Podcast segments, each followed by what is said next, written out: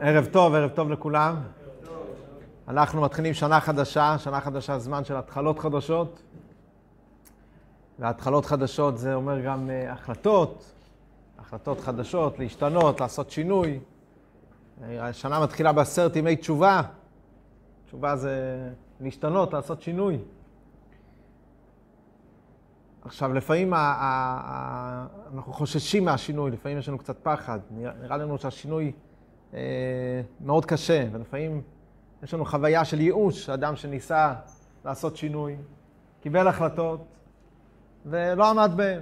עכשיו הוא אומר לעצמו, נו מה, מגיעה שנה חדשה, אני עוד פעם אחליט שאני עושה שינוי, ועוד פעם אני אאכזב את עצמי, אני לא, לא אעמוד בהחלטות שלי. אז לפעמים החוויה של, ה, של הכישלון יכול להביא אותנו ל, לייאוש. אז אני רוצה בשיעור היום באמת ללמוד מסר חשוב. אה, אני לא אומר, כל אחד יודע שהשינוי זה אפשרי, כל אחד יכול להשתנות. בכל אה, שלב בחיים אפשר להשתנות, זה לא מה שבאתי לחדש היום. מצד שני, ברור שכל שינוי דורש מאמץ, דורש התמדה, דורש יגיעה, דורש uh, התמסרות. אבל בשיעור היום אני, אני רוצה ללמוד מסר מאוד חשוב, שאני חושב שיבהיר לנו את הסוגיה הזאת, וייתן לנו להבין שאומנם השינוי הוא לא קל, אבל הוא הרבה פחות מסובך ממה שנראה לנו. לעשות שינוי בחיים, להשתנות, להשתפר, זה הרבה פחות מסובך ממה שזה נראה, הרבה פחות, הרבה יותר אפשרי והרבה יותר, אה, אה, הייתי אומר קל, אבל הרבה יותר זמין, הרבה יותר אפשרי ממה שנדמה.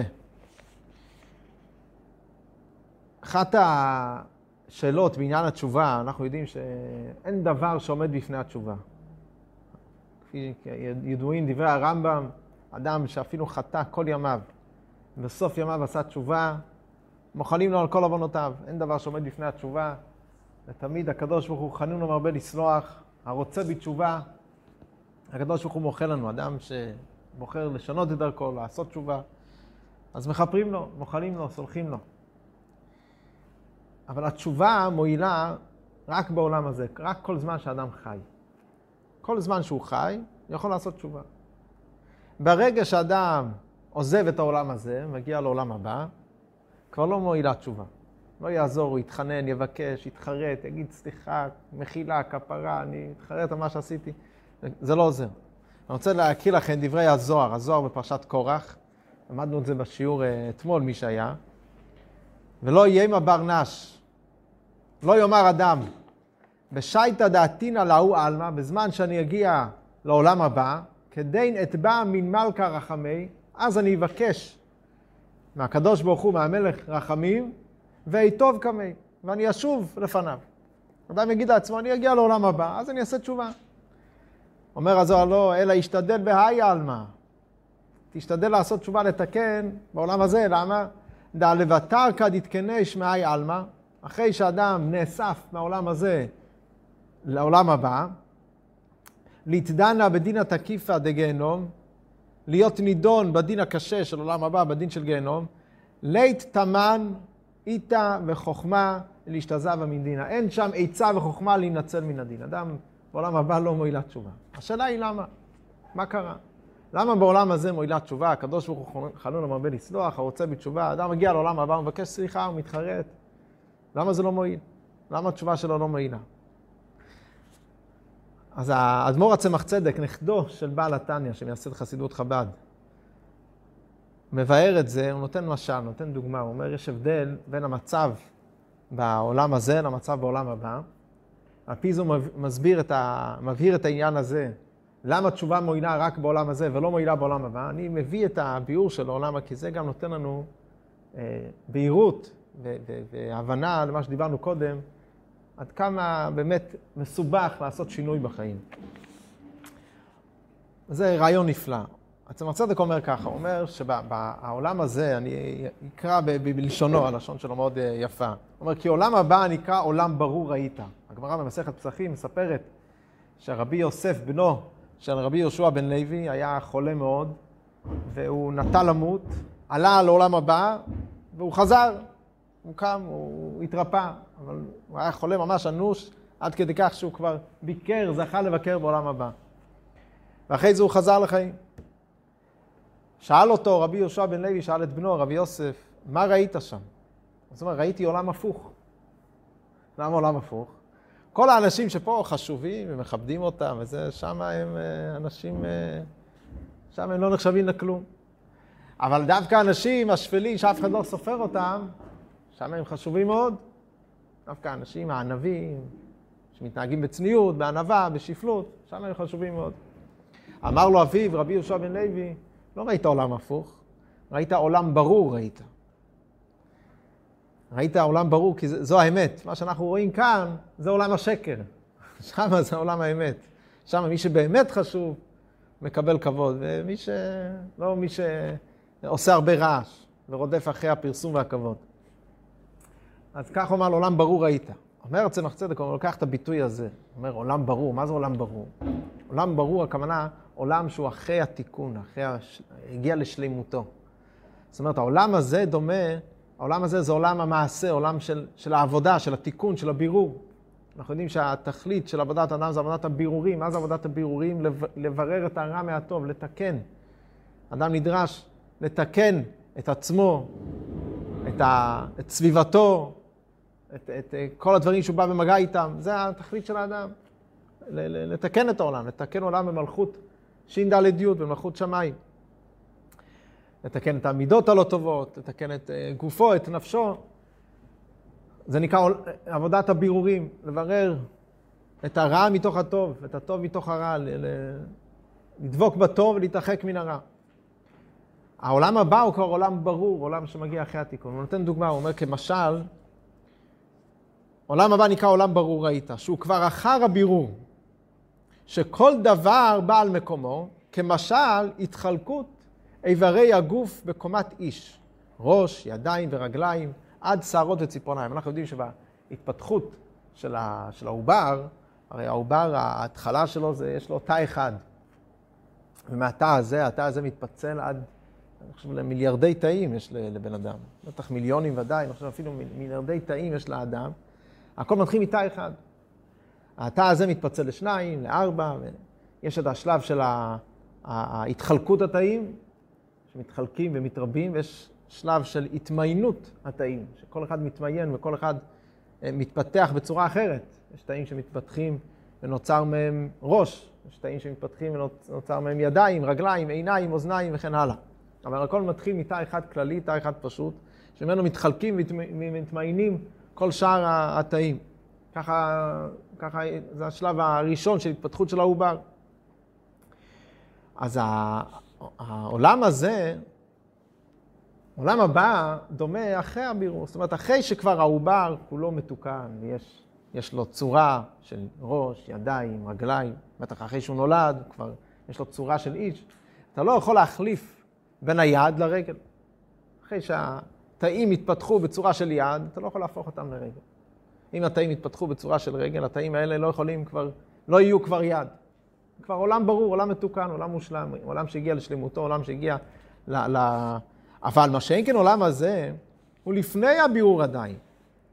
והוא כמשל הטיפה הכוללת כל איברי הוולד, כמו אותה תא ראשוני, אותו תא אה, שכולל את כל האפשרויות ואת כל התאים שיבואו אחר כך, שיתחלקו ויתמיינו אחר כך. כל איברי הראש והרגל והשערות וציפורניים כאחד. בשלב הזה עוד יש אפשרות, יוכל להתהפך, להיות הרגל נעשה במעלת הראש. בשלב הזה שהתאים עוד לא מחולקים עוד לא, ועוד לא ממוינים, אפשר תאורטית לקחת תאים שאמורים להפוך, ויש באמת ניסויים כאלה בבעלי חיים, ש, ש, שלוקחים תאים שמיועדים להיות איבר אחד והעבירו אותם למיקום אחר והם הפכו לאיברים אחרים. זאת אומרת, תאורטית, כיוון שהתאים האלה עוד לא התפתחו ועוד לא נבררו, הם עוד לא ברורים, עוד לא הגיעו לשלימות, אז אפשר עדיין לשנות אותם. אני, הזכרנו את זה בשיעור אתמול, את המשל הזה, הבאתי משל נוסף, כן? משל לאדם שבונה בית. לוקח קבלן שיבנה את הבית. והאדריכל משרטט את, ה, את, ה, את הבית, איך ייראה הבית, הסלון, המטבח, חדרי השינה, השירותים וכולי. כל זמן שהדירה עדיין על הנייר, אז אפשר לעשות שינויים, והשינויים הם מאוד אה, פשוטים. מותחים את הקו של, של הקיר במקום כאן, מזיזים אותו כמה סנטימטרים. וזהו. השינוי לוקח כמה שניות. לפעמים הקבלן לוקח על כך אה, עמלה קטנה, אבל, אבל השינוי מאוד קל, אפשר לשנות מאוד אה, בקלות.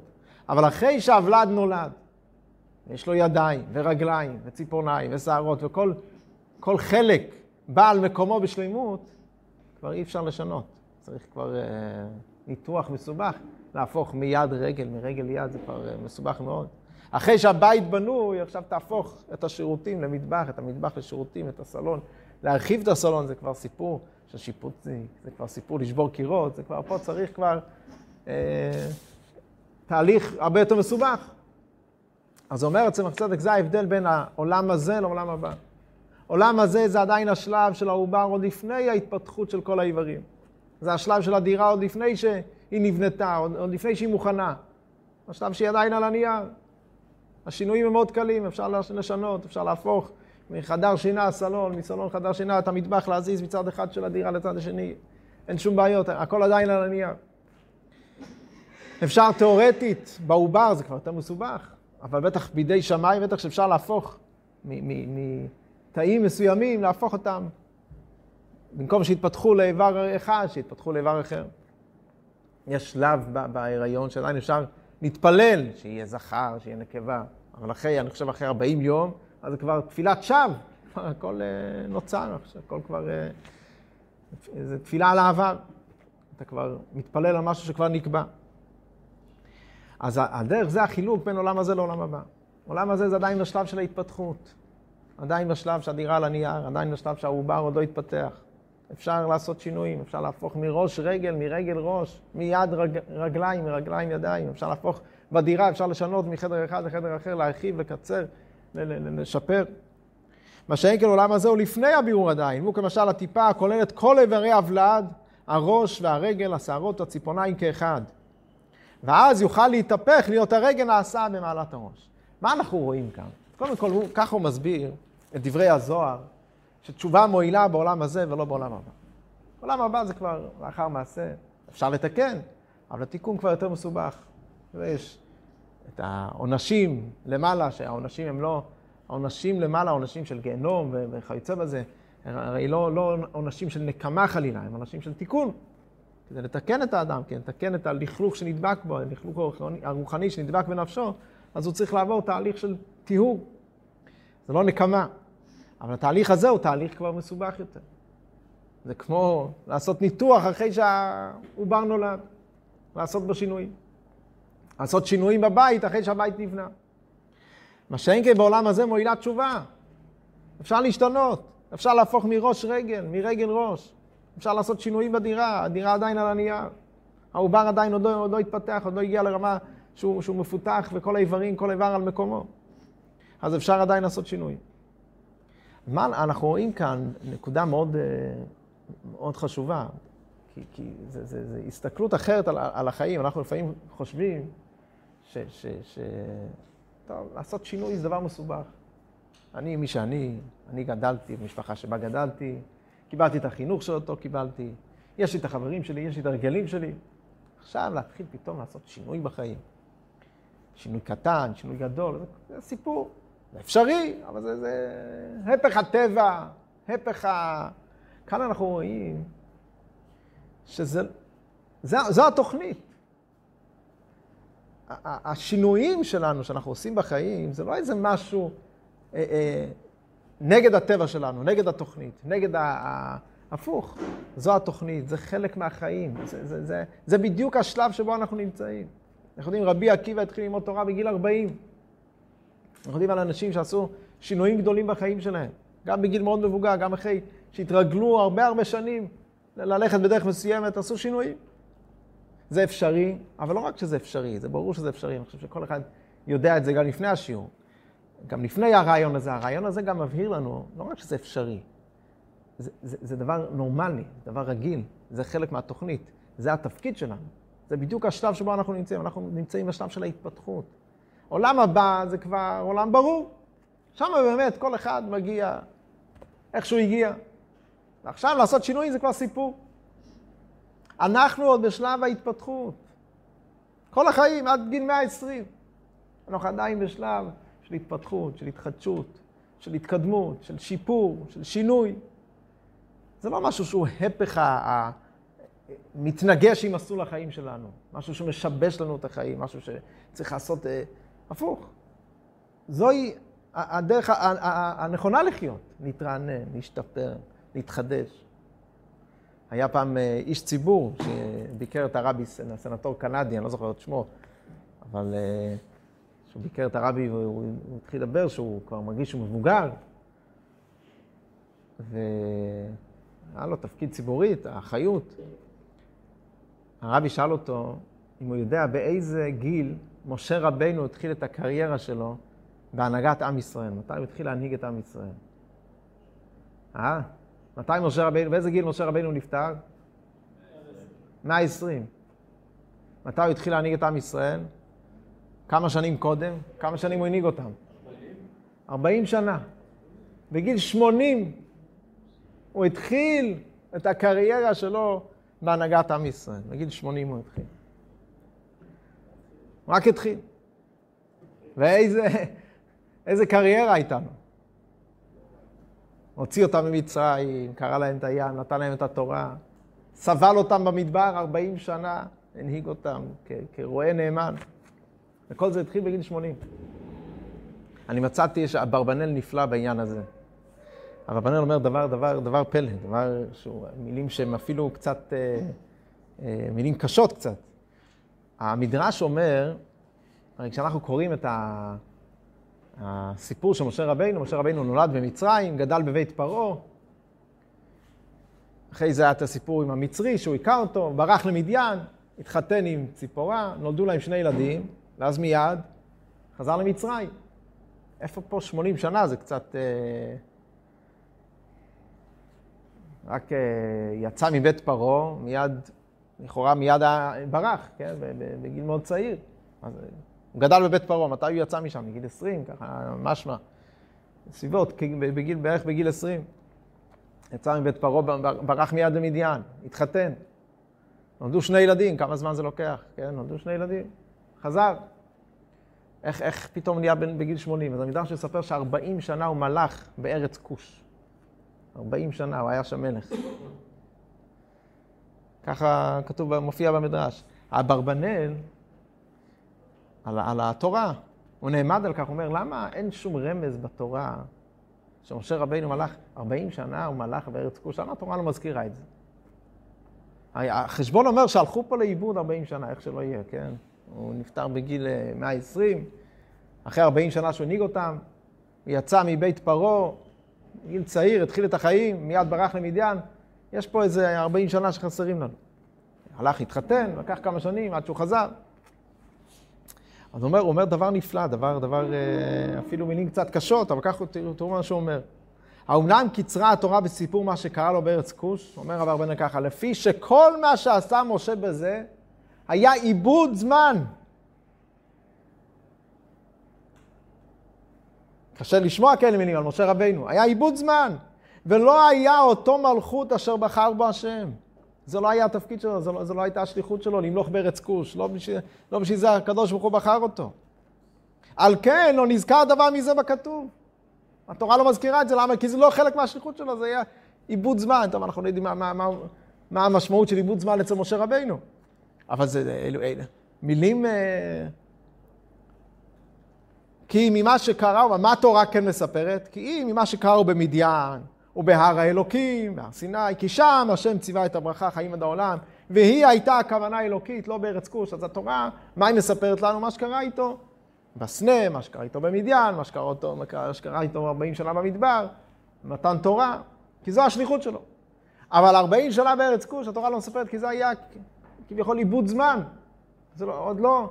זאת אומרת, מה אנחנו רואים כאן? אנחנו רואים כאן שמשה רבינו כביכול בזבז 40 שנה עד שהוא באמת הגיע לשליחות שלו. טוב, זה לא, לא, לא יודע, באמת המילים לבזבז, זה, זה, זה, זה הגדרה מדויקת, כנראה שכל דבר זה אה, חלק מהתהליך, חלק מה... מה... אבל בסופו של דבר זו, זו לא הייתה השליחות שלו. זאת אומרת, הוא לא, מתי הוא הגיע לשליחות שלו? רק בגיל 80.